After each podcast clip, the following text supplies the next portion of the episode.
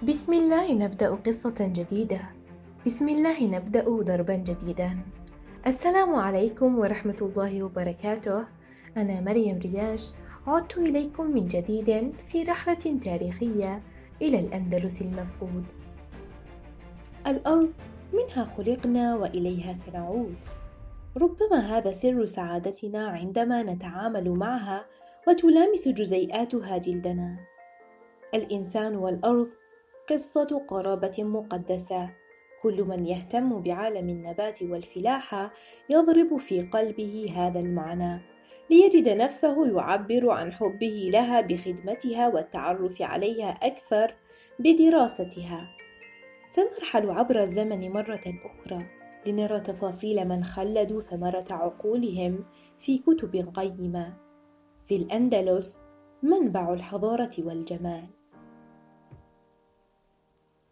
قال الوزير والأديب الغرناطي لسان الدين بن الخطيب في وصفه للأندلس خص الله تعالى بلاد الأندلس من الريع وغدق السقيا ولذاذة الأقوات وفراهة الحيوان ودرور الفواكه وكثرة المياه وتبحر العمران وجودة اللباس وشرف الآنية كانت الأندلس والمغرب العربي متأخرين علميا وحضاريا عن مشرق العالم الإسلامي في مجال الزراعة حتى أوائل القرن التاسع للميلاد. ثم تم تدارك القصور بعد تولي عبد الرحمن الناصر الحكم بإرسال البعثات العلمية للدراسة في بغداد ودمشق والقاهرة وجلب المؤلفات المترجمة إلى العربية. ومن هنا بدأت بواشر نهضة علمية زراعية. تبلورت تساؤلات عدة كيف تعامل علماء الأندلس مع العلوم الفلاحية التي انتقل معظمها من الأمم الأخرى؟ وهل أثرت في غيرهم؟ وكيف تجلى ذلك؟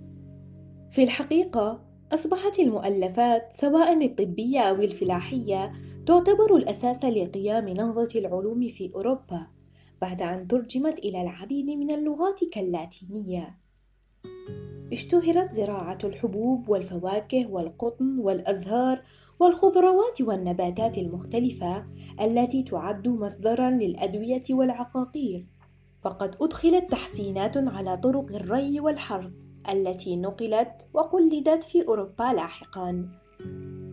تمكن الخبراء الزراعيون من الارتقاء بالزراعة الأندلسية إلى مستوى لم يستطع اللاحقون التفوق عليه حتى القرن التاسع عشر الميلادي بفضل تطور الكيمياء.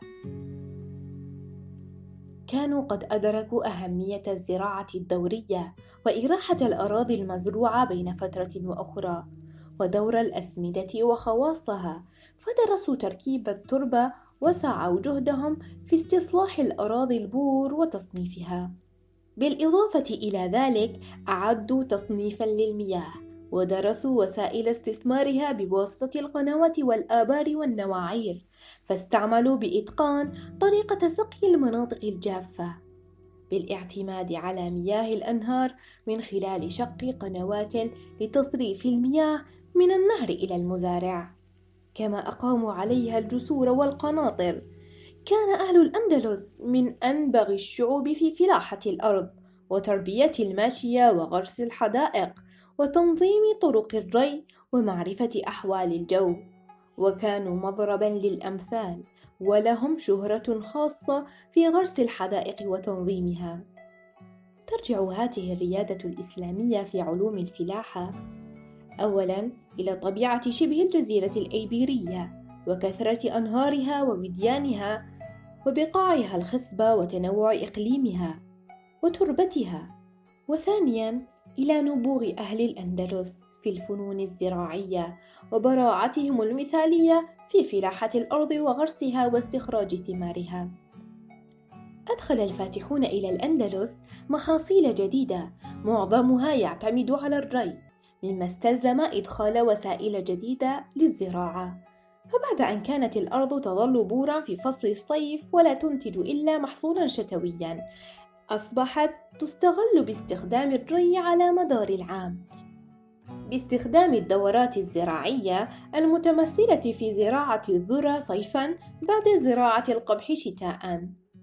ساهم ذلك في ازدياد رقعة الأرض المسقية وغلالها، مما حسن مداخيل المزارعين. أدخل المسلمون أيضًا نوعًا جديدًا من علف الحيوان هو البرسيم، وهو من أصل فارسي. وما زال يعرف باسمه العربي الفارسي في إسبانيا لحد الآن.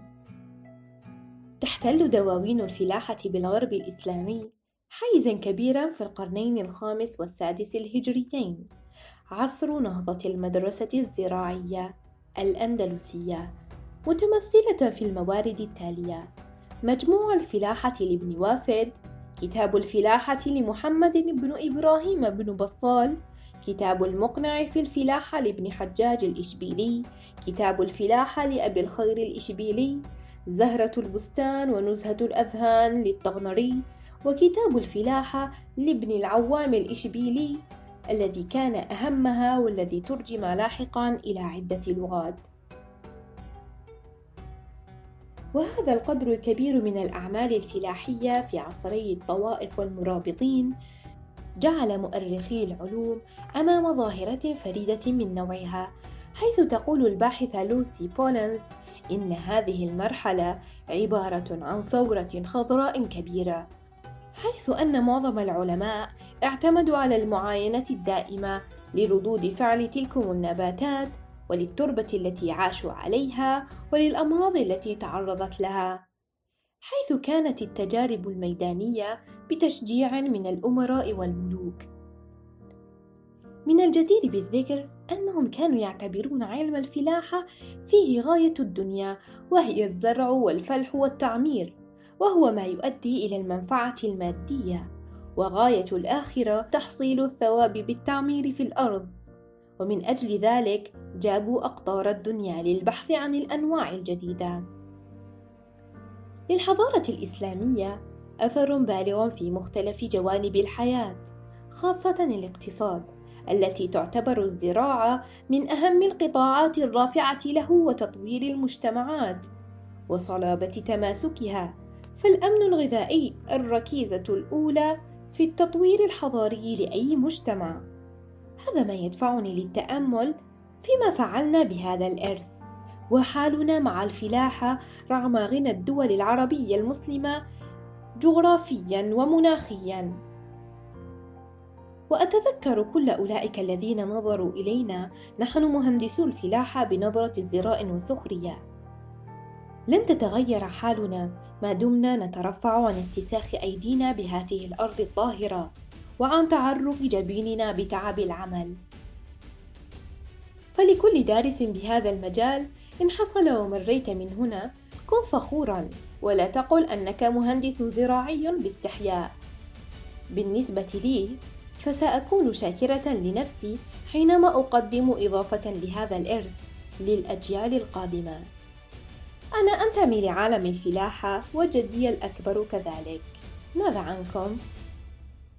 سنحط رحالنا هنا لنسافر في المرة القادمة لنتعرف على بعض أهم مهندسي الزراعة آنذاك.